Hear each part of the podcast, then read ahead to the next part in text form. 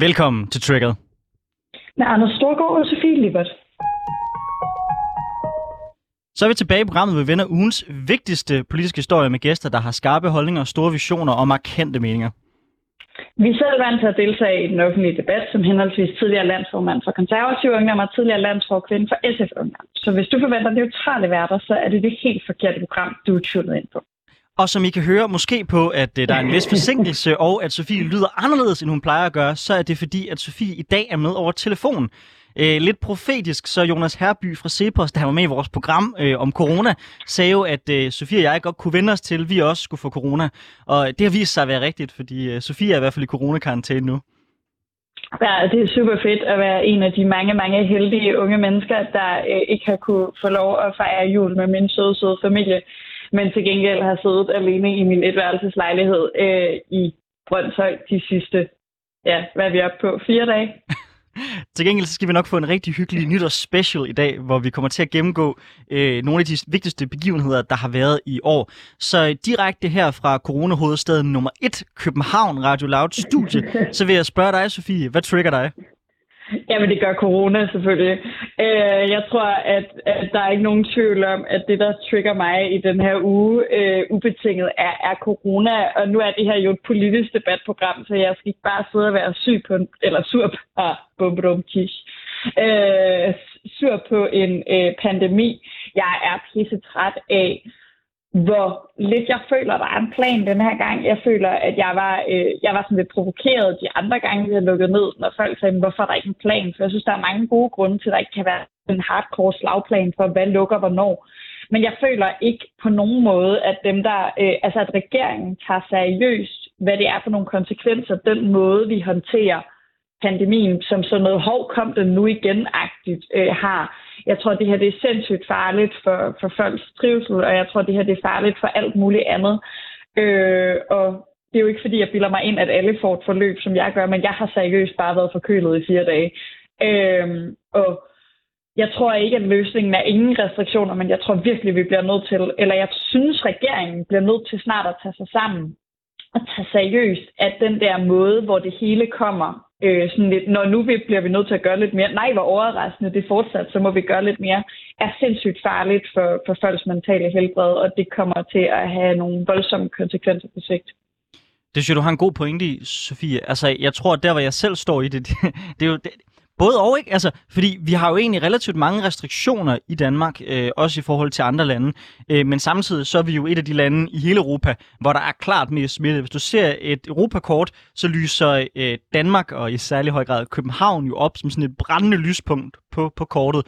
Øh, og der kan jeg sgu ikke helt finde ud af, om man skal gå i den retning, der hedder whatever, at der er mange, der bliver, der bliver, der bliver smittet nu. Omikron er trods alt lader det til lidt mindre farlig, og det er måske nu, vi så alle sammen skal opnå en form for immunitet, også ved alle de der anti de så bliver smittet med corona, og vi så kommer om på den anden side, eller om vi ligesom skal sige, okay, lad os øh, træde hårdt til, og så lad os lave nogle hårde restriktioner. Hvilken af de to, der er den rigtige løsning, har jeg sådan svært ved at, sådan rigtig at sætte fingeren på, men jeg er i hvert fald enig med dig i, at der mangler en klar plan for, hvilken af de to strategier er det egentlig, vi forfølger. Jeg tror heller, ja, jeg tror heller ikke, jeg sådan, synes, den ene øh, plan nødvendigvis, eller sådan, at jeg skal gøre mig klog på, hvad der sådan, sundhedsfagligt er den rigtige plan. Jeg var bare blive sindssyg af den der retorik, og den der, altså, min mor siger hele tiden, at der er noget meget ikonisk over det der med, at i starten af pandemien havde Barbara Bertelsen sagt, at hope is not a strategy. Men det virker som om, det er deres strategi. Altså det virker som om, de bare havde gået og håbet, at det ikke kom tilbage den her vinter, selvom en hver idiot jo kunne regne ud, at det gjorde det. Øh, og så er de sådan helt overrumplet af det, og det tror jeg er enormt. Altså fordi jeg havde lige fået det der, den, der, sådan, den der måde, man kan glæde sig til ting, som man forventer sker tilbage. Og nu begynder ting at blive afløst igen, og jeg kan mærke, det der resultatet er, at jeg holder op med at glæde mig, fordi jeg er bange for, at det, jeg glæder mig til, det bliver reddet fra mig. Og det tror jeg, eller det ved jeg, er sindssygt farligt for mit mentale helbred, og jeg tror simpelthen ikke, at jeg er den eneste, der har det sådan. Så jeg tror, at det, jeg mere har brug for nu, er ikke så meget, at jeg skal bestemme, hvilken strategi det er. Det er, at nogen for helvede melder ud, at man har en strategi, og at man ikke bliver overrasket, når der kommer en, jeg kan ikke huske, hvor mange bølger vi er oppe på, femte eller sjette bølge. Men vi skal jo også øh, lige inden vi skal i gang med at se tilbage på 2021, høre, hvad der har triggeret dig den her uge, Anders. Det, der trigger mig, det er mit eget parti. Jeg er hisse frustreret over at læse i Berlingske alle steder, juleaften af alle dage, øh, at mit parti nu er hoppet med på den der evindelige ungdomsbashing, der foregår om, at hvor er det forfærdeligt, hvor meget ungdommen drikker. Vi må hellere skynde os at lave en masse restriktioner, der rammer dem benhårdt. Den her gang, så var det endda Ja, det er folketingsmedlem, jeg selv har stemt på til folketingsvalget, Katarina Amitsbøl, øh, som var ude og plædere for, at nu skulle man øh, hæve øh, aldersgrænsen, sådan så unge ikke længere kan købe øl, hvis de er under 18, fordi at vi ser en, en ungdom, der er ukontrollabel øh, fulde. Der er bare et problem, det er, at det har bare ikke noget med virkeligheden at gøre. Øh, Katarina Amitsbøl, som jeg i øvrigt skal det siges, har relativt meget respekt for, øh, da hun var ung øh, i 80'erne, øh, der drak 11-årige. Det var normalt. Øh, over 80 procent af alle, alle 11-årige havde, havde, havde drukket dengang. I dag så ligger vi omkring sådan noget 5 procent, der har gjort det. Ungdom drak væsentligt mere dengang, end vi gør i dag. Og alligevel, så skal nutidens ungdom høre på de selv samme fucking hyggelere stå og tale om, hvor forfærdeligt det er, at unge drikker. Ved du hvad, jeg, sy- jeg er træt af at høre på det. Jeg gider ikke mere. Jeg synes grundlæggende, at vi skal lade ungdommen være fulde og have det sjovt, fordi det var også sådan, vores forældre var, da de var unge, og bedsteforældre og forældre før dem. Og ja, er det øh, pisse sundt? Nej, det er det ikke. Og Sundhedsstyrelsen skal nok hele tiden rykke barn på en måde, der gør, at øh, uha, vi skal helst ikke drikke øh, noget som helst. Men jeg synes, det var sjovt, og hvis jeg synes, det var sjovt, og jeg selv gjorde det, da jeg var ung, så har jeg bare ikke tænkt mig at stå og belære unge i dag om, at de skal holde op med at gøre det. Og jeg vil ønske, der var flere politikere, der havde den tilgang, at man så nogle gange lige kiggede lidt ind og sagde, er jeg ikke lidt en hyggelig, når jeg står nu og belærer ungdommen om, at de skal holde op med at drikke? Det trigger mig. Ja, jamen det trigger også mig, og jeg tror, jeg, jeg tror der er mange af ting ved det her, du og jeg er enige om, og så tror jeg måske, vi skiller os lidt på, hvor, meget, hvor god en idé det er, at unge drikker virkelig meget. Men jeg tror, det jeg drømmer om i den her samtale, det er, at man lader unge fucking have den. Altså, at man lader de unge tage den med hinanden, at man lader de unge, der synes, at det er ubehageligt, at alle sociale fællesskaber øh, i et klassisk ungdomsliv drejer sig om alkohol, for det forstår jeg godt, og det synes jeg er et problem. Når det er unge, der synes, det er et problem, når det er unge mennesker, der føler sig udenfor, fordi man har en trælskultur, så lad de unge tage debatten med hinanden. Altså sådan helt klassisk elevdemokrati for eksempel. I stedet for, at der altid skal komme nogle gamle mennesker og have samtalen hen over hovedet på os. Og jeg synes, det er så ærgerligt, at man altid går forbudsvejen og vil ændre aldersgrænser og vil fjerne det fra gymnasiefester og sådan noget. For jeg tror ikke, det er det, der hjælper. Jeg tror, det, der hjælper, det er, at man styrker den demokratiske samtale blandt de unge, og at gamle mennesker, der netop, som du siger, drak meget mere end vores og endnu yngre generationer gør, at de måske lige øh, backer lidt off et øjeblik og lader de unge øh, være de ekstremt ansvarsfulde mennesker, som vores generation viser sig at være. Jamen, øh, altså, den del er jeg så enig i, men du har ret i, der hvor vi så adskiller os, det er i forhold til, hvor god en idé, jeg synes, det er. Øh, og det er måske lidt et, øh, det er et standpunkt, jeg står ret alene med, vil jeg sige, men som jeg er rimelig glad for at stå øh, ved, som er, at jeg synes, at den danske drukkultur er awesome, øh, og hvis man øh, begynder at begrænse unges alkoholsforbrug, så øh, mener jeg, at hvis man kigger på andre lande, så er historien egentlig meget simpel. Det er, så finder, bare, så finder unge bare et andet rusmiddel at kaste over. Kig til USA, der drikker de meget mindre, til gengæld så ryger de så helt vildt meget has, og sådan kan den liste foregå. Unge mennesker i alle tidsalder, i alle samfund, i alle civilisationer, har altid kastet over sig et eller andet rusmiddel, der gør, at de kan være pissefulde øh, og fest og have det sjovt. Og så kan vi bare diskutere, hvad er så øh, det mindst skadelige. Og der synes jeg jo så, at alkohol er en af de mindst skadelige øh, ting, man så kan kaste over. Selvfølgelig forudsat, at man ikke drikker sig ihjel, men det synes jeg så også er ekstremt mere end reglen. Så ja, der, der adskiller vi nok, nok også fra hinanden. Og jeg ved godt, at jeg står alene med det standpunkt, men jeg står fandme ved det.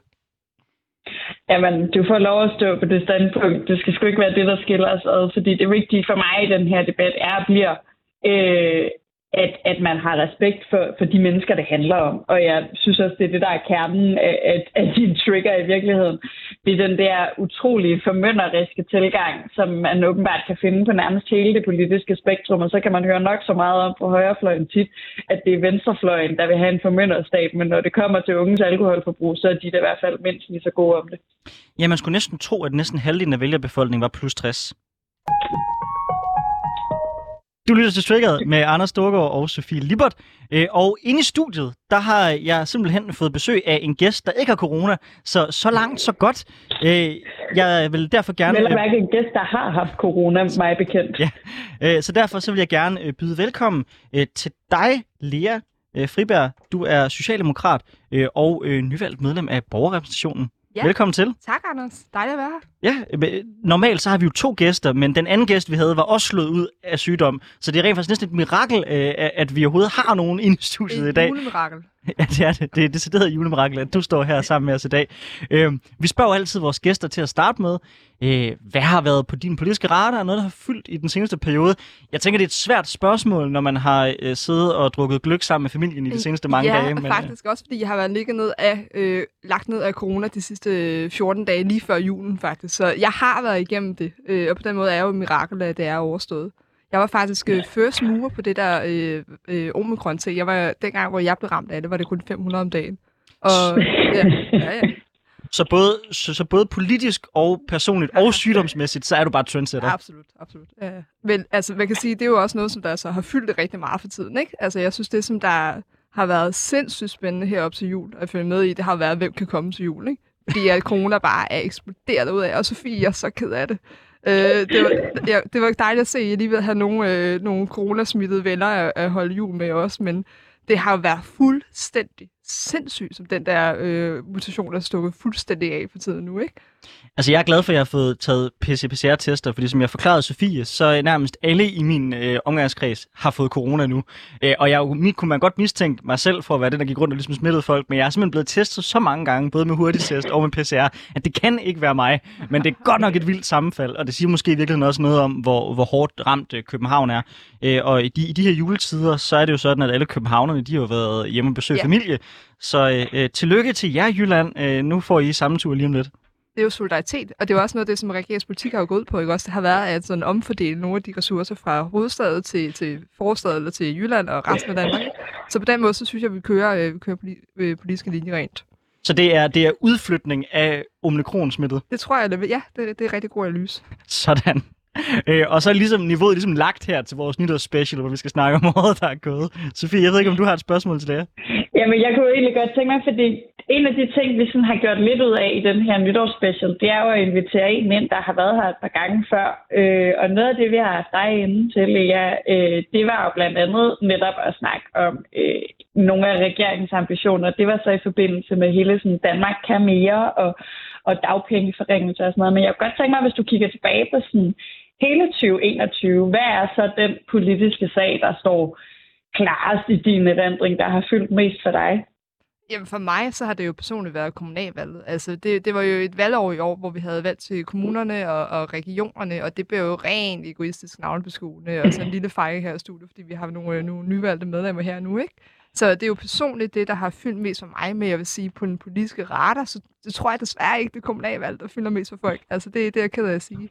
Øh, men der har det sgu nok været Inger og Mette og Morten, der har taget hjem. Ikke? Altså de her personlige øh, altså, øh, politikere, som der har nogle retssager måske imod sig og totalt imod sig og, og døbt. Ikke? Ja, for det har jo i virkeligheden rigtig meget været et uh, retssagernes år, yeah. hvis man kan sige det sådan. Jeg ved ikke, hvorfor at alle politikere har besluttet sig for, at det år, det skal være kriminelle. Nej, men det er, det i hvert fald, det er i hvert fald, det er, det er i hvert fald stukket, stukket rimelig meget af, må man sige. Ja, ja. Der må man jo give Inger Støjberg, at hun igen lige så meget som Lea var omikron til trendsetter, så var Inger Støjberg jo kriminel politiker trendsetter i den sammenhæng. Så det er jo helt tilbage i 2016, at hun faktisk øh, overtrådte loven. Så har vi bare ligesom brugt noget tid på at, at få nedsat den der kommission, der skulle undersøge det og den slags. Hvornår er Mette Felt fra? Var den ikke før? Jo, den er, den er også, øh, den er også øh, Nej, er den før? Det er faktisk et godt spørgsmål. Ja, ja, vi skal lige finde ud hvem der er den rigtige trendsetter. Det er omkring, faktisk. Nå. Øh... Nå. Men øh, før, før vi sådan går helt ned i sådan en årstalskavalkade om, hvem der har gjort hvad kriminelt, hvornår, øh, så vil jeg egentlig også bare spørge dig, Lea, øh, også før vi går i gang med selve debatdelen. Øh, hvad har været den største skuffelse for dig politisk i år? Øh, er der et eller andet, som regeringen ligesom øh, skulle have gjort, som du som socialdemokrat er ærgerlig over, at de ikke er kommet i gang med endnu? Ja, altså, jeg tror igen, så bliver det også en personlig ting, men, men i forhold til MeToo-dagsordenen, der har fyldt sindssygt meget for, for mig øh, og mange andre unge kvinder øh, og, og andre, øh, som der har været det, her en blandt ops oprør og MeToo-oprør i, i Danmark og i dansk politik, så tror jeg, at vi er mange, som der er glade for det skridt, der er taget, men havde forventet noget mere. Altså, 2020... Hvad, hvad er du forventet?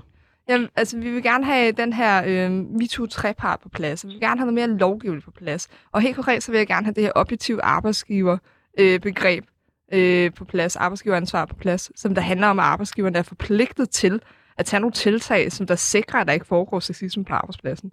Og det er meget konkret ting, som vi kender fra England, vi ved, det fungerer. Øh, men det står bare i stampe, og jeg tror, noget af det handler om... Vil du komme nogle eksempler på, hvad det så kunne være? Bare så vores lyttere også, øh, jamen, jamen, som, altså, som måske ikke kender den britiske lovgivning. Absolut. Altså, det handler om, hvis du har en, øh, en arbejdsplads, så har du en chef, der går ud og siger, hey, for det første har vi nul politik her på arbejde, ikke? så der er ikke noget med at rave på hinandens julefrokost, sådan ud. Øh, det er, at man har nogle klare festpolitikker, klare alkoholpolitikker, og så handler det om, hvis man oplever noget, så ved man, hvor man skal gå hen, og man ved, hvad konsekvenserne er. Og det handler ikke om, at man skal altså, øh, smide nogen ud, eller fyre nogen, eller gøre noget, men det handler om, at man har nogle politikker parat i forvejen.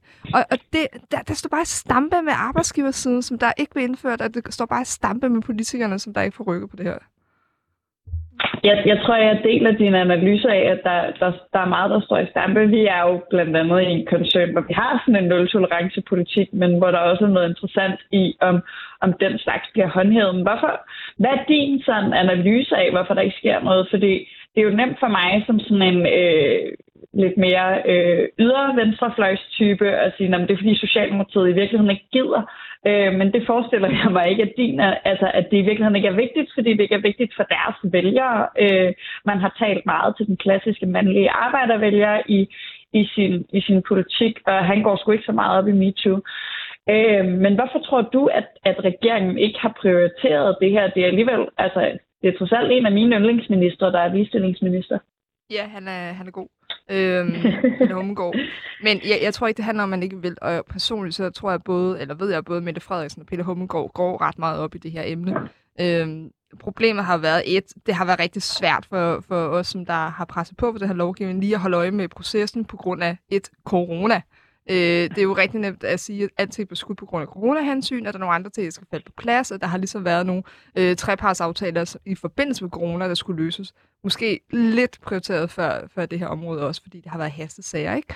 Øh, men så handler det også om arbejdsgiversiden. Altså, det, og det er bare så klassisk, det der med, at man har ikke lyst til mere regulering på området, fordi man er bange for, at det kommer til at koste ens medlemmer penge. Det er helt grundlæggende det fordi man ikke gider tage ansvar på os fra arbejdsgiversiden. Og så kigger jeg lidt på det konservative over, og jeg ved ikke, om øh, det kommer noget. Nej, der, der, der... Jeg ved sgu ikke helt, hvem, øh, hvor jeg er henne i det shit. Altså, jeg, jeg arbejder hos Dansk Metaller, jeg er konservativ, så jeg, jeg ved sgu ikke helt. Jeg ja. føler mig meget splittet på det spørgsmål. Så du behøver ikke kigge, kigge på mig, hver gang du siger arbejdsgiver. Nej, det er rigtigt nok. Men det er ligesom det, jeg i hvert fald hører, det er, at det, det er meget svært at have noget på plads her, fordi at man ikke kan blive enig med arbejdsmarkedets parter på området her. Øhm, og så tror jeg bare, at corona gør det rigtig svært at, at se processen rent. Altså, det kan godt være noget lige på trapperne. Jeg aner det ikke. Alright, jeg er sikker på, at øh, det nok skal være noget, vi kommer til at diskutere næste år også. Jeg ved ikke, om vi ender med at diskutere lovgivning, eller vi rører ned i den samme gryde, vi har gjort i år, nemlig primært bare at snakke personer. Men jeg tror i hvert fald ikke, at MeToo som emne er noget, der vil forsvinde på radaren i det næste år. Så må det ikke, vi kommer til at snakke om det i 2022 også. Nu skal vi nemlig videre til debatten. Du skulle have haft uh, Sille Hal Eholm fra Venstre øh, her ved din side, men hun er som sagt blevet, blevet, blevet, blevet syg. Men lad os kaste os ud i kavalakaden af nogle af de store ting, der har fyldt i det seneste år. Du lytter til Triggeret med Anders Storgård og Sofie Lippert, som i dag er mere over en telefon på grund af corona. Men inde i studiet, der har vi besøg af Lea Friedberg fra Socialdemokratiet, som lige er nyvalgt medlem af borgerrepræsentationen i København. Og i dag der kigger vi tilbage på året, der er gået. Vi kigger på nogle af de debatter, der har fyldt i 2021 i udland, indland og på Christiansborg mørke gange. Og vi starter helt tilbage i starten af januar på den anden side af Atlanten. Nemlig stormen på Capitol Hill. For bedst som vi troede, at 2021 skulle være et meget bedre år end 2020, gik samtlige nyhedsmedier i breaking, og den amerikanske kongres blev stormet af demonstranter, der var vrede over, at man var i gang med at vedtage valgets resultat. Donald Trumps tilhængere troede ikke på valgresultatet og ville derfor fysisk forhindre kongressen i at stemme valget af Joe Biden som ny præsident igennem. Og imens gik Donald Trump under jorden, og politi og militær var i lang tid fraværende, mens hele verden så åbent til. Twitter flød over af gruopvækkende videoer og billeder fra begivenhederne, og da Donald Trump endelig brød tavsheden, var det med en video, hvor han blandt andet sagde til demonstranterne, at han forstod deres vrede over det stjålne valgresultat og sagde de berømte ord, We love you, you're very special. For mig, der står øh, den 6. januar tilbage som øh, eksemplet på, hvad der sker, når vi får de her, øh, hvad kan man sige, opsplittede, polariserede verdensopfattelser, hvor hver person har ret til deres øh, version af nyhederne, øh, og øh, ligesom øh, stikker af ud fra, en, ud fra sociale medier, der puster til en boble af had og, og vrede, som splitter samfundet. Er det nogenlunde sådan, du også ser det, Lea? Øh, og er du bange for, at vi er ved at havne dig i Danmark også? Jamen, jamen, det gjorde vi jo i mini-format lidt, altså fordi det, der så sker den 10. januar, altså meget kort tid efter det her, lidt en uge over øh, stormen på Capitol Hill, det var, at vi så en Men in Black-demo i, i København, som der også stak af. Og Men in Black, det er jo de her typer, som der øh, protesterer imod coronarestriktionerne og lovgivning, fordi de mener, at øh, eliterne bruger den her måske falske sygdom til at undertrykke befolkningen og spreder fake news. Og, og grund til, at det skræmmer lidt, det var jo, fordi vi så et tendens til nogle voldelige oprør også. Der var nogen, der opfordrede til at smadre byen. Hvad var det, de sagde på en ikke voldelig måde? Ja. Øhm, men, men i hvert fald så stak demonstrationen fuldstændig af, og det blev til kamp med øh, politiet. Og det er jo på ingen måde det samme, som det er sket i Capitol Hill i størrelsesorden, men, men Anders, præcis som du siger, så handler det jo om nogle mennesker, der er blevet drevet frem af den her øh, debat på sociale medier, på de her fake news, på den her tro om, at eliterne er onde, øh, på en voldsparathed, som jeg også er skræmt over øh, at se i, i dansk kontekst. Som det er lige nu, ser det jo faktisk ud til, at Donald Trump han risikerer at komme tilbage igen, fordi Joe Bidens uh, approval ratings er så enormt lave, som de er. Uh, nu må vi jo se, der er jo både midtvejsvalg næste år. Det bliver ret spændende at se, hvor det ender. Uh, men altså, er du bange for, at Trump kommer tilbage igen? Og hvis han gør, tror du så, at det amerikanske demokrati kan overleve? Jeg er hunderad for det. Og præcis fordi, at, at jeg er bange for, at man mister tillid til den der autoritet, som præsidenten jo skal, skal fortsætte at være. Ikke? Øhm, og det handler jo også om, hvordan vi som europæiske partner ser på USA som samarbejdspartner. Kan vi stole på dem? Kan vi indgå forsvarssamarbejde? Kan vi indgå handelsaftaler? Kan vi overhovedet stole på noget som helst, der kommer fra, det, fra, fra USA og fra præsidenten derovre? Det er et kæmpe problem for demokratiet. Øh, og også bare for de demokratiske øer, som vi jo alligevel er i verden. Fordi vi bliver færre og færre demokratier i verden, så skal vi også bare beskytte de demokratier, vi har. Så, åh, det stoler ikke på Donald Trump til. Så hvad er svaret så? Kan vi stole på USA som partner? Stoler du på, på USA? Øh, lige nu. Men jeg, jeg tror, det er som man... Vi kan ikke længere tage det for givet. Øh, og vi kan ikke længere tage for givet, at USA kommer til at være der som en, øh, en hvad, hvad de selv kalder sig fredsvogter i verden, ikke? altså Pax Amerikaner. Vi kan ikke længere stole på den verdensorden, som vi har kendt for nu, og, og det skræmmer mig, fordi at jeg er også en generation, som der er vokset op med Pax Amerikaner, der er vokset op med de her liberale demokratier og på øh, internationalt samarbejde. Når vi ikke har det, så er jeg bange for, at andre øh, supermagter og andre øh, øh, samfundsordner vinder frem i større grad i det demokratiske.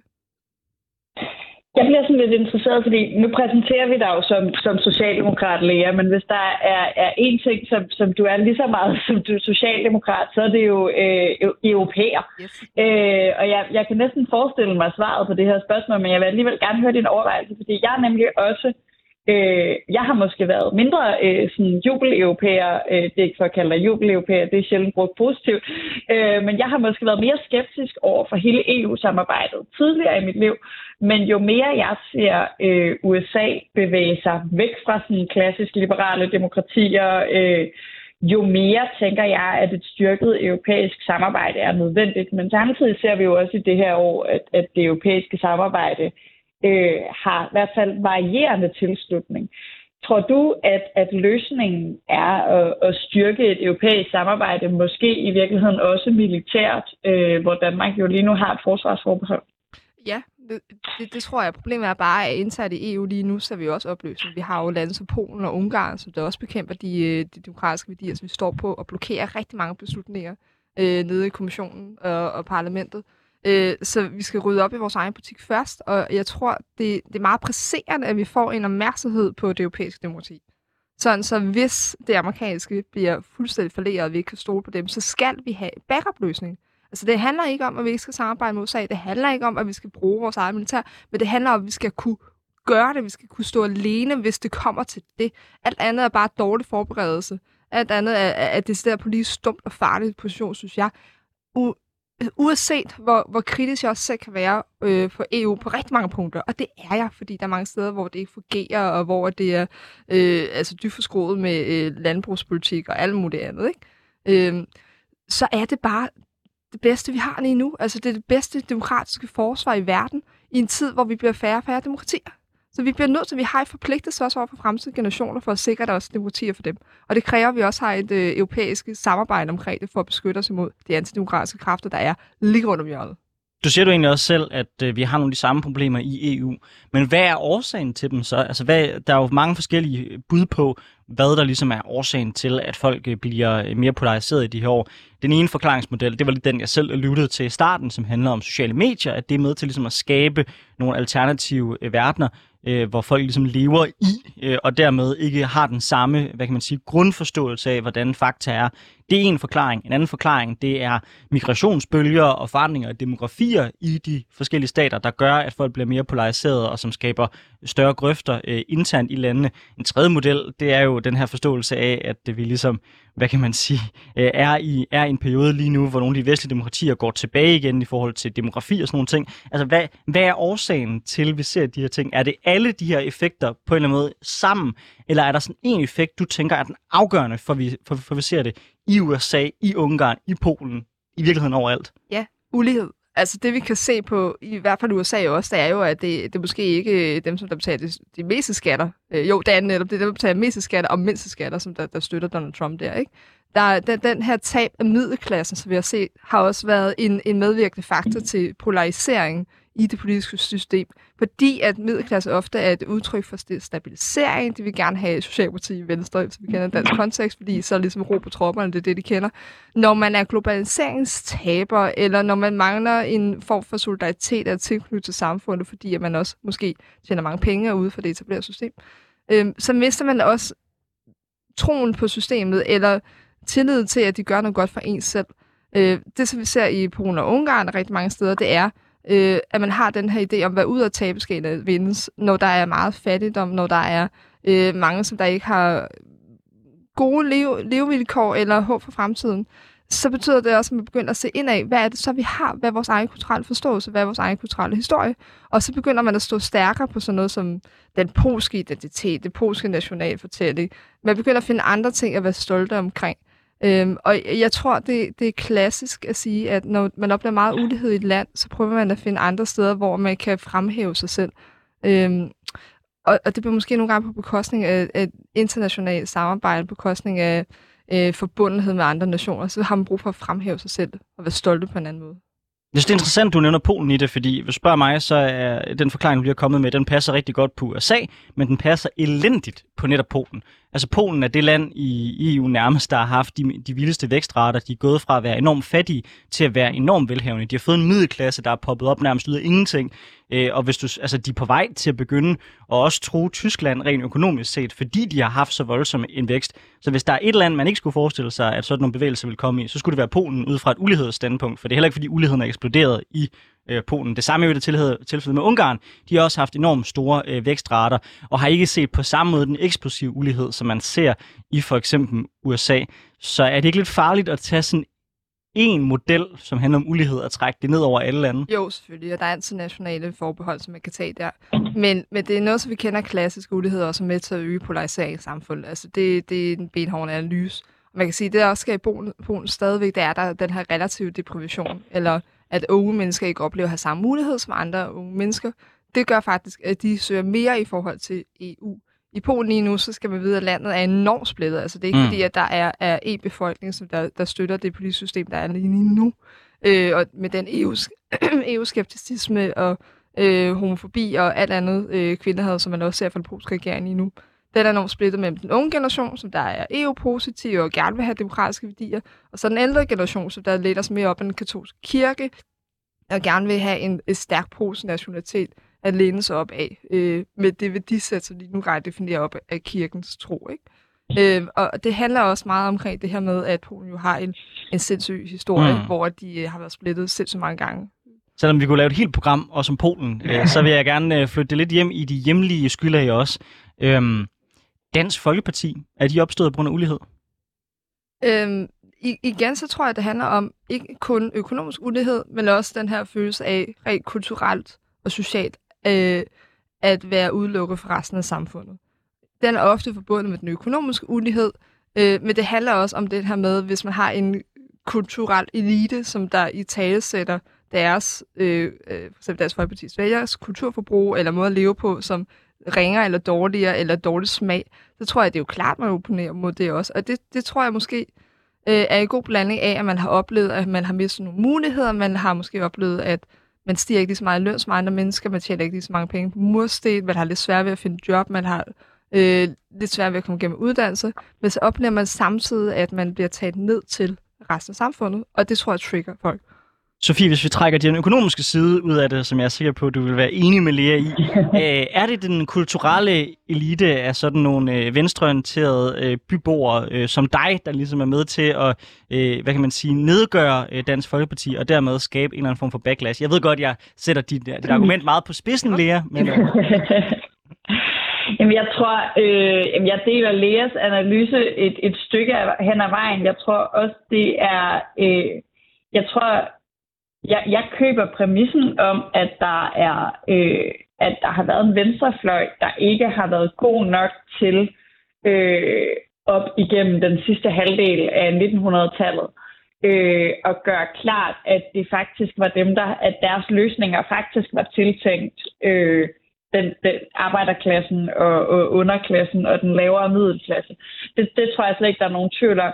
Jeg øh, har ikke så meget en anal, altså jeg tror, jeg har mere en analyse af, at man er kommet til at øh, sådan bredt i hele det politiske spektrum og i, gå væk fra øh, sådan interessevaretagelse og gået mere i retning af sådan bred middelklassepolitik. Øh, jeg tror ikke så meget på den der sådan øh, kulturelle snobberiting øh, som, som en effekt. Øh, og det handler måske om, at og det kan godt være, at det sådan er en blind vinkel, men jeg, jeg er i hvert fald vokset op i en tid, føler jeg, jeg føler, jeg omgås mennesker, der i tale sætter øh, alt sådan klassisk højre finkultur som snobbet, og øh, alt, øh, alt, hvad hedder det, sådan øh, lavkultur som det rigtige og danske. Lea, øh, allersidst bare i den her debat, øh, når vi kigger tilbage på øh, stormen på Capitol Hill om 10 år i det her program, kommer helt sikkert til at være her igen om 10 år, der det bliver pisse godt. Så sidder vi og kigger tilbage igen på, hvad der skete der. Øh, hvad vil så være det, det står tilbage som? Hvad vil det være symbolet på? Er det starten på det amerikanske imperiers fald? Er det populisme? ulighed. Hvad, hvad tror du ender med at stå tilbage, når vi snakker om det om 10 år? Måske en eskalering over øh, i lidt mere voldelige optøjer. Så, så den der kritik af, af det politiske system og eliterne, det har vi haft lang tid, men det eskalerer jo over i, i vold, som, som der i hvert fald er nyt for mig og min generation. Det kan være, at jeg er blind igen over for nogle, nogle begivenheder, der også har været. Men at det er blevet mere ekstremt. Altså, jeg synes, det var, øh, har været ekstremt år på mange måder i forhold til det politiske system, som vi kender det, i forhold til de optøjer, der har været, de her demonstrationer. Og vi lever også en ekstrem tid med corona, men det her, det var virkelig et, et sammensmeltning, synes jeg, for, for det politiske værdighed. Du lytter til triggeret med Anders Storgård og Sofie Libert, hvor vi har besøg af Lea Friberg øh, fra Socialdemokratiet, som er nyvalgt medlem af borgerrepræsentationen. Vi er i gang med at kigge tilbage på året, der er gået, og vi, vi bevæger os nu inden for Danmarks grænser.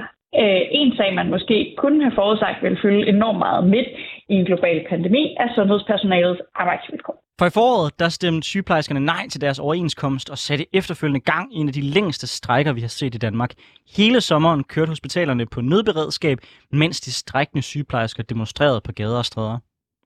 Strækken endte med et lovindgreb, hvor regeringen tvang den aftale igennem, som sygeplejerskerne i foråret havde stemt nej til. Det resulterede i trætte og frustrerede sygeplejersker, der over en bred kamp meldte ud, at de fremover kun ville arbejde det antal timer, som de var ansat til. Nogle grupper af sygeplejersker valgte dog at tage andre, mere vidtgående værktøjer i brug, som overenskomststridige strækker og opsigelser. Lea Friberg, det var den socialdemokratiske regering, der brød ind i strækken. Hvordan synes dit parti har håndteret sygeplejerskernes øh, opråb? Også særligt nu, hvor vi så har set, at det ligesom er blusset op igen. Øh, øh, det er jo... Det er jo okay, den her... Det, der sker lige nu, det er træls. jeg, jeg kan simpelthen ikke komme med andre ord til det. Jeg, jeg er gammel fagforeningskvinde, min mor er sygeplejerske, jeg har kæmpe stor respekt for det her. Øhm, men jeg kan ikke se, hvad de skulle have gjort anderledes. Det kan jeg helt ærligt ikke. Den her situation er jo fuldstændig eskaleret, og, og, og det er den jo også, fordi at fagforeningen i sig selv jo også har en, en udfordring. De har jo et problem. Øhm, så det kan godt være, at det endte med at være et politisk problem. Det startede med at være et systemisk problem, så der har været der mange år. Men, men lige det her kommer jo også af, at fagforeningerne i sig selv er i krise. Øh, og, og det synes jeg også mangler i debatten her. Hvordan? Vi har jo set den her øh, øh strække, den er jo også kommet på baggrund af, at øh, deres sygeplejeråd har jo haft en, en kampagne i gang i, i længere tid, som der har været på sociale medier, hvor man har snakket omkring sygeplejerskerne arbejdsvilkår. Og det er jo klassisk fagforening interessepolitik. Nu igen, jeg kommer selv fra Dansk Magisterforening, hvor jeg har siddet som gammel studenterforkvinde i, i mange år tidligere. Øh, så, så jeg kender jo godt det her system. Og, og jeg er fuldstændig enig i, at vi skal kigge på løn- og arbejdsvilkår. Der har jo været den her debat omkring tjenestemandsreformen for, hvad var det, 69, Sofie? Ja. Ja, hvor det jo handler om, at øh, klassiske kvindefag er blevet indsat på lavere løntrin, fordi det var manden, der var breadwinner og skulle øh, have penge med hjem til familien. Ikke? Og så har vi lige så kunne se lønudviklingen derfra indplacere kvinderne på lavere løntrin, som de stadig leder under i dag. Øh, det kan alle gode feminister jo være enormt sure over, og det er selvfølgelig også rigtig øh, træls over. Ja, men, jeg tror ikke, vi skal diskutere baggrunden tjenestemands, øh, tjenestemandsordningen. Jeg tror, du og jeg kan være lidt uenige øh, i, at konklusionen er, at det var øh, det, man ligesom lavede dengang. Øh, men hvor med alting er, hvad er løsningen så? Skulle man være kommet med en portion penge, og så have hævet sygeplejerskernes løn? Eller øh, er det bare en træls situation? Problemet er, det kan man jo ikke. Altså, Socialdemokratiet er jo også et fagforeningsparti. Hvis vi går ud politisk set og bestemmer folks lønniveau, øh, så underminerer vi jo fuldstændig grund til at have fagforeninger i Danmark. Vi har i form af problemer med lavere tilslutning til fagbevægelsen. Hvis man mister øh, altså hele grundlaget for, hvorfor man skulle være i fagforening for mange, altså den her med, at de forhandler løn på ens vegne, fordi politikerne gør det i stedet for, så undergraver vi også den danske så? model. Så hvad er løsningen så? det, altså, jeg synes, det, det er fint, hvis vi har også en, en kommission, der kan finde nogle bedre løsninger på det, jeg kan i studiet her nu, øh, med gamle kronehjerne og lige oven på jul, hvor jeg stadig lidt der, ikke? Men, men pointen er jo, at jeg synes, at vi skal jo arbejde mod at hæve lønniveauet. Ikke kun for sygeplejerskerne, men også for sosuerne og også for rigtig mange andre faggrupper, som jeg synes er underbetalt. For jeg, jeg er jo fuldstændig enig i kritikken i, at jeg ikke synes, de får, får nok en løn. Men det, som jeg reelt ser som noget, som vi kan rykke på politisk her nu, det er at kigge på arbejdsvilkårene. Sofie? Fordi, jeg tror, jeg, jeg tror egentlig, at vi, jeg er helt enig. Jeg tror, de fleste, jeg tror, at sygeplejerskerne er enige i, at alle de andre øh, med meget lave, eller alle dem, der faktisk har meget lave lønninger, der er ikke nogen tvivl om, at sygeplejerskerne er ikke nogen af dem, der har lave lønninger. De har bare meget lave lønninger i forhold til, hvor lang uddannelse og, og hvilke arbejdsvilkår de har. Øh, men jeg, altså, en ting er, at Socialdemokratiet er et fagforeningsparti, og det, jeg tror også, det er det, der, der sådan vækker mig jeg er bare så imponeret over, at vi nu, hvis vi ser tilbage i sådan min politisk bevidste tid, så øh, har der været øh, to store lovindgreb, og det er en socialdemokratisk regering, der har øh, stået for dem begge gange. Er det bare øh, big time øh, uheldigt, at de store øh, konflikter, de lige kommer, der, når, når der er en socialdemokratisk regering, eller, eller hvad hulen har det, altså hvorfor er det Socialdemokratiet, der endnu en gang øh, er dem, ja. der øh, kører arbejderne over? Ja, det er træls. Altså, dårlig timing, Sofie. Øh, vel, der kan måske også være noget med, at man, man strækker, øh, fordi det er socialdemokratisk regering, fordi man forventer, at de de er mere øh, sympatiske over for ens sag, fordi det er arbejdstagerparti, ikke? Siger du, siger du at fagfingrene Nej, jeg ved, jeg ved bevidst prøver at udnytte den socialdemokratiske regering ved så at strække? Nej, det, jeg, jeg kan simpelthen ikke vide det, fordi jeg har ikke siddet i, øh, altså, i forhandlingslokalerne, når det skete der overhovedet. Men det, som jeg, altså, vi også kan se nu, det, er, det handler jo også om, hvad der sker i den periode. Altså lige nu har vi jo en coronakrise, som der aktualiserer, at sygeplejersker taler deres arbejdsvilkår, for det har været sindssygt meget fokus på det. Mm. Så jeg tror også, det bare handler om timing i forhold til, well, en global pandemi, der lige har ramt, ikke? Det er sjovt, jeg, jeg er faktisk meget enig i din beskrivelse til at starte med, om at det, øh, det er et problem, der særligt også er i, i fagforeningerne. Øh, spørger du mig, så er den, selve problemet her, det handler også rigtig meget om, hvordan man internt øh, blandt sygeplejerskerne, rent fagforeningsmæssigt, har i tale sat sig i mange år øh, som nogle folk, der netop modsat de andre faggrupper øh, er ofre netop for tjenestemandsordningen, øh, øh, som har placeret dem på et løntrin, der er væsentligt lavere, og at man derfor ikke kan acceptere de her øh, mindre skridt i en positiv lønretning. Og det er jo også det, man har set, det er, at det har skabt enorm øh, splittelse i fag, fag, fagbevægelsen, fordi Mona Strib eksempelvis, øh, som repræsenterer nogle af de folk, der, der ikke øh, har øh, de lige så lange uddannelser som sygeplejerskerne, og tilsvarende nogle af dem, der repræsenterer dem, der har lange uddannelser, og Dansk Metal, for at komme med et eksempel, har været meget frustreret af den måde, sygeplejerskerne ligesom har prøvet at køre solo. Øhm, er det her ikke ligesom en selvforskyldt krise, sygeplejerskerne selv er havnet i? Både fra, hvordan de har forhandlet over mange år i overenskomster, øh, hvor de har forhandlet tillæg rigtig højt op, men jo også i forhold til at skabe et urealistisk, øh, hvad kan man sige, øh, pres og øh, idé om, hvad de kunne få i nogle forhandlinger. Jeg, jeg tror måske i hvert fald, det sidste og grund til at sige det, det er fordi, at man sendte jo en, en aftale i forhandling, altså sendte en aftale til medlemmerne, og så sagde, hey, vi har lavet den her aftale, vi synes, vi skal stemme for. Det gjorde man to gange, hvor de blev stemt ned af medlemmerne. Mm. Så der er jo helt klart en anden, hvor Dansk Sygeplejeråd har, har mistet kontrollen over den her, det her narrativ, som jeg har brugt som bagtæppe til at gå ind i overenskomstforhandlingerne, som man skal per interessevaretagelse. Selvfølgelig skal man lægge et, et godt bagtæppe til at gå ind i forhandlingerne. Det er som jeg præsterer ekstra på arbejde, måske op til lønforhandling, who knows. Øh, men, men man har jo fuldstændig mistet kontrollen også med, hvor ens medlemmer vil hen. Fordi at, igen, sociale medier, medlemmerne har ikke brug for fagbevægelsen længere til at fortælle dig, hvad, hvad der sker her. Fordi det fortæller de også hinanden på sociale medier. Der har været honninghjertegate, som der har fyldt sindssygt meget. Der har også været enkeltpersoner, som der har øh, lavet deres egne kampagner ude omkring deres sygeplejersråd. De har sindssygt mange store Facebook-grupper, hvor de også taler i det, men har mistet kontrollen og kontakten til medlemmerne i fagbevægelsen. Og, og det i sig selv er også et selvstændigt problem, jeg synes, vi skal snakke meget mere om. Det tror jeg, der er meget, meget rigtigt i. Man kan jo se, at, at, at for eksempel Dansk Metal og andre af de store fagforeninger, øh, de har et ret godt netværk, for eksempel i forhold til tillidsrepræsentanter, som jo er de her folk ude på arbejdspladserne, øh, som er repræsentanter øh, for med, med, medarbejderne, og som spiller en ret stor rolle i mange øh, fagforeninger, også til at sikre, at der er en lige kontakt op, og man sikrer selvfølgelig også, at man har et flertal, når man indgår en aftale. Hvor det virker til, at øh, blandt sygeplejerskerne, der er det mere, hvad kan man sige... Øh, anarkistisk i den, øh, i den tilgang. De har selvfølgelig en ledelse bevares, men det virker ikke til, og det har du ret i, at der er særlig meget forbindelse med den, fra den ledelse og så ned på de lavere øh, niveauer i, i organisationen. Sofie, er det simpelthen bare et dårligt fagforeningsarbejde, der gør, at, øh, at det er sprunget i luften? Altså, jeg tror, at ret afgørende forskel på Dansk Metal og, og sygeplejerskernes fagforening er, eller to ret afgørende for, forskelle er øh, et, øh, arbejdsvilkår, to, antal medlemmer. Øh, altså sygeplejersker. Der er en del flere sygeplejersker i det her land, end der er metaller. Øhm, og, og, og det tror jeg er, er afgørende. Jeg tror, ikke, jeg, jeg tror ikke, jeg skal gøre mig til dommer over, hvad der er, er, er godt eller dårligt øh, fagforeningsarbejde. Det tror jeg egentlig også, jeg synes, øh, apropos Leas snak om, at man, man helst vil blande sig udenom. Det synes jeg ikke er min plads som, som politisk repræsentant for SF at sidde og blande mig i, hvordan fagforeningerne styrer deres ting det jeg rigtig godt kunne tænke mig at høre Lea om, nu nævner du selv nemlig sådan øh, honninghjerte-date.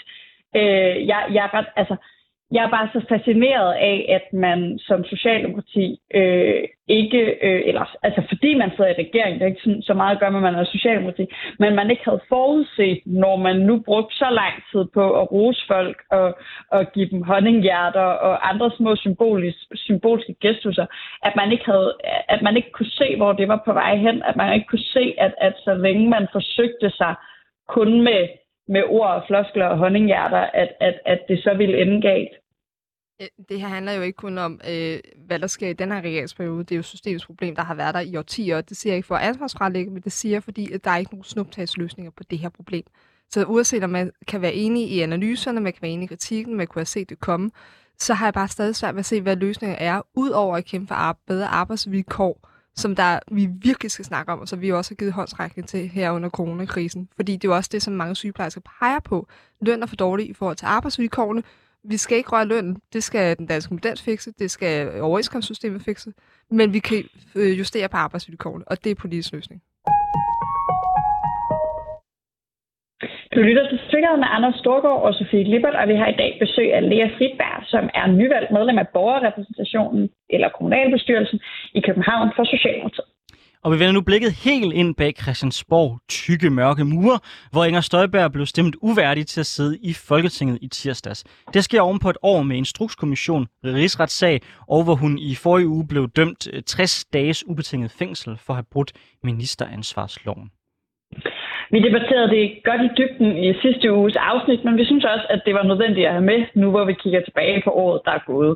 Øh, for debatten om ministre, der begår lovbrud, har i sandhed været en stor del af 2021. Og dommen den tolkes i vidt forskellige retninger. Støjberg selv mener, at det er de danske værdier, der har tabt, mens andre påpeger, at retsstaten har sejret, og der er trukket en streg i sandet i forhold til, hvor langt man kan presse konventionerne og i øvrigt ansvaret over for Folketinget. Og jeg øh, kan næsten forestille mig, hvad svaret på det her bliver. Men, men Lea, hvad er din analyse? Er, har de danske værdier tabt med, med Inger Støjbergs retssag? Nej, Sofie, de har vundet, fordi at det er retsstaten, der har sejret. det er jo svært ikke at tage den her diskussion med en socialdemokrat, uden at bringe øh, Mink-kommissionen ind i spørgsmålet. Øh, så egentlig bare sådan fuldstændig frit fra, fra, fra hoften. Hvis nu Mink-kommissionen finder frem til, at der skal være en rigsret, øh, og at øh, Mette hun dømmes i den rigsret, skal Mette Frederiksen så også øh, træde tilbage? Det må vi jo se.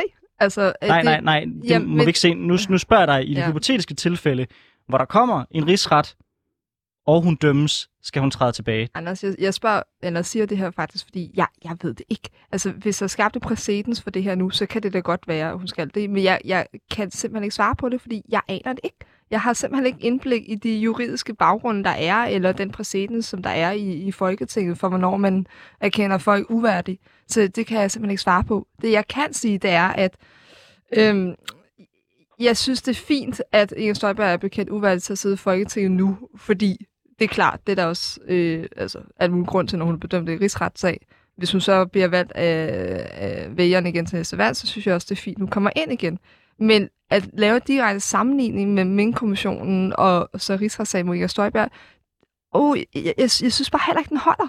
Fordi lige nu har vi hypotetisk set måske øh, et statsminister, der, der måske har begået lovbrud. Vi aner det ikke, fordi det er der en kommission, der er gang med at undersøge. Og så allerede nu, så går kritikerne ud og siger, jamen så skal Mette Frederiksen også gå i her lige om lidt.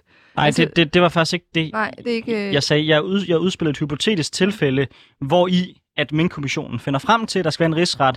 Den rigsret kommer, og hun bliver dømt.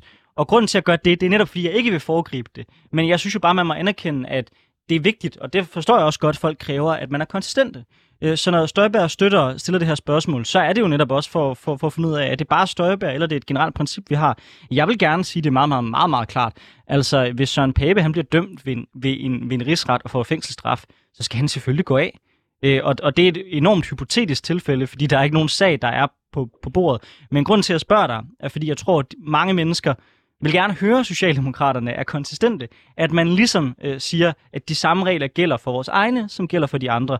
Og, og, og ved at svare ja, så siger du ikke, at, Inger, at, at, at hun er lige så skyldig som Inger Støjberg, eller at øh, der er begået lovbrud, eller hun bliver dømt, eller noget som helst. Jeg spørger bare, i det tilfælde, hun bliver dømt, skal hun så gå af? Det skal hun jo nok. Altså, og igen, jeg har også virkelig svært ved at snakke omkring Inger Støjberg-sagen.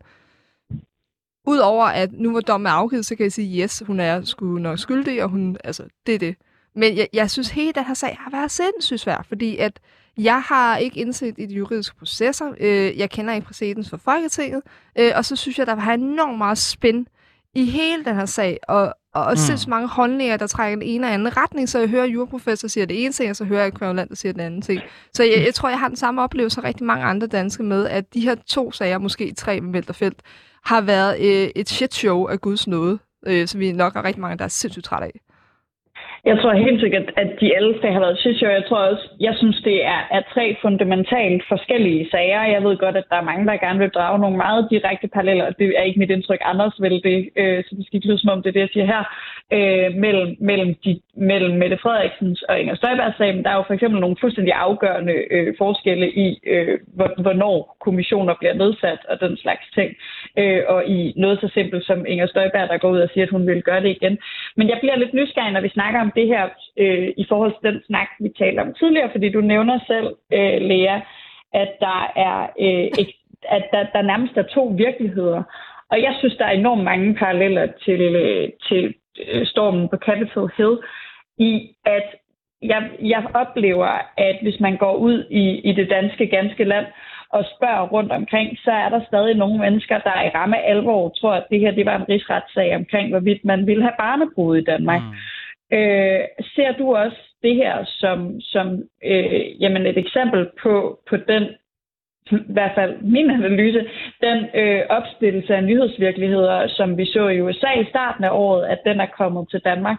Ja, det gør jeg, og jeg tror også, en af grunden til, at jeg er svært ved at svare på andres spørgsmål, det er jo også, fordi jeg selv er enormt bange for at, at blive fanget i et eller andet, hvor at jeg så taler ind i en diskurs, som jeg overhovedet ikke er enig i. Fordi at jeg synes, den er så opsplittet. Øh, man har slettet med det, og man har øh, alle de her øh, skandalesager, som der, der fylder enormt meget for folk og taler ind i narrativ om igen det her med en korrupt elite og, og underskriftsbefolkning og, og, og brud på loven, og man er hævet over det hele, hvis man, man er en del af det politiske sådan, top, ikke? Øhm, og, og det er jo, det er jo lige, lige præcis det, det er jo det, der kendetegner, øh, i hvert fald snakken omkring Morten Messerschmidt, Inger Støjberg mm. og Mette Frederiksen. Ikke? Det er den her elite, som der føler sig hævet over loven. Er det så virkeligheden? Ikke nødvendigvis, men jeg er enormt bange for, også socialdemokrat, at blive spændt for en eller anden hvor på den ene eller anden side, øh, fordi jeg føler, at jeg, jeg ved så lidt omkring det. Og, og det, som der desværre er, er problemet, synes jeg, det er, at der er rigtig mange mennesker, der ikke aner noget omkring de her sager, som der udtaler sig sindssygt skråsikkert. Øh, eller folk som for eksempel Inger Støjberg, som der laver et så kraftigt spin på det her, som der bare er så stærkt, at det taler igennem fakta, at det taler igennem lov, der taler igennem altså sund fornuft, ikke? Det er du også fuldstændig ret i, og jeg er også enormt frustreret over øh, den måde, vores offentlighed bliver splittet op i den her sag. At man hører nogen netop påstå, at det er barnebrudene, vi snakker Inger øh, Støjberg, og som er helt op at ringe om lokhør op, øh, når man taler om Mette Frederiksen. Alle, altså, den frustration deler jeg. Men grunden til, at jeg stiller spørgsmålet, fordi, altså det er, det er simpelthen fordi, at jeg mener, at det er også en måde ligesom at vise også over for de folk, der står mm. på den modsatte side, at spillereglerne gælder også for os, så det ikke er en, en, en elite, der har et sæt spilleregler for nogen, øh, hvorimod at andre politikere så kan, sådan, sådan, så kan, kan, kan slippe afsted med det. Øh, jeg har også siddet i mange selskaber med meget højorienteret, der er netop har fyret den der af med, ah, men det er, det er politisk motiveret mod Inger Støjberg, og øh, så skal Mette Frederiksen også igennem det helt øh, samme, hvor mit svar hver gang er at sige, det er vi i gang med at undersøge, og hvis den undersøgelse finder frem til, at der er grundlag for en rigsret, så skal der være en rigsret, og hvis den rigsret finder frem til, at hun er skyldig, og hun får en fængselsstraf, så skal hun selvfølgelig behandles på helt samme måde som Inger Støjberg. Det ved jeg ikke, og jeg vil ikke på forhånd sige, hvad resultatet er, fordi det er jo hele ideen med at lave en undersøgelse, det er at man ligesom finde ud af, hvad der er op og ned i det. Men det er også en måde for ligesom at vise over for folk, at, at reglerne er altså ens for alle. Fordi netop tror jeg, at man skaber større, større skred i befolkningen, hvis man kommer til at lyde som om, at Inger Støjberg, hende kunne vi ikke lide af nogle politiske årsager, så derfor øh, placerer vi loven hårdere for hende, end vi vil gøre for eksempelvis Mette eller Søren Pape. Mm. Og det synes jeg er sindssygt godt formuleret, Anders. Altså, det, og det giver også rigtig god mening. Øh, jeg hørte en lang rapportage omkring rigsretssagen i går, for at prøve at blive lidt klogere på det her, og jeg, jeg, jeg, jeg faldt lidt i søvn, for at være helt ærlig. det er også men, meget teknisk, men, men der var også de der ting med, hvornår ryger man i fængsel? Ryger man i fængsel med bødestraf? Øh, nej, måske, øh, hvornår bliver man smidt ud af Folketinget? Er det så ved bødestraf? Er det så ved betinget fængsel? Er det ubetinget fængsel? Der er også nogle ting, som jeg... Uh, det, jeg gad godt nogen have sådan lavet papir til mig, der så kunne fortælle this way to jail, ikke? Jeg synes, det er meget interessant, øh, det der med om, om Ingers, netop den der fortælling, jeg synes, den kobler sig op på noget af det, vi snakker om tidligere med, hvad er Dansk, Dansk Folkeparti som, som parti en reaktion på.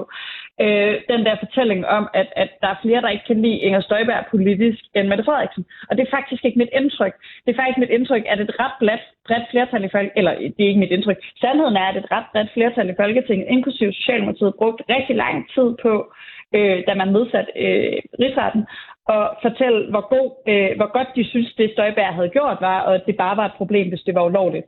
Hvorimod øh, hele Blå Blok hader Mette Frederiksen for at slå mink ihjel. Øh, så så jeg, jeg, jeg synes, den er interessant, og jeg er meget enig i din analyse af, at det er sådan, nogen har det, Anders. Jeg tror bare, at ude i den virkelige øh, politiske verden, der er der faktisk øh, flere, øh, et større flertal i Folketinget for, for Inger Støjberg som person, end der er for Mette Frederiksen det, mm, altså, Socialdemokratiet sidder stadig på 25 procent. Jeg tror bare, man hører mere folk, der hader Mette Frederiksen. De taler rigtig højt for tiden, ikke? Så det er også det der, igen, hvad er virkeligheden? Jeg tror, den er mere nuanceret, så så, men det bliver bare ødelagt også af sociale medier, af folk, der råber, og af politikere, som der spreder fake news og øh, kraftigt spin i deres egen fordel, øh, og bare skubber virkeligheden til side.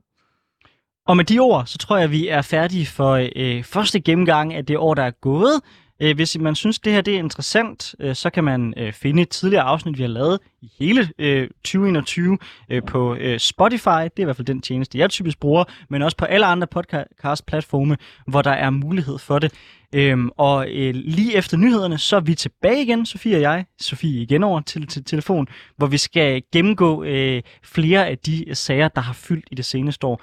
Lea Friberg, øh, borgerrepræsentationsmedlem for Socialdemokratiet, tusind tak, fordi du var med.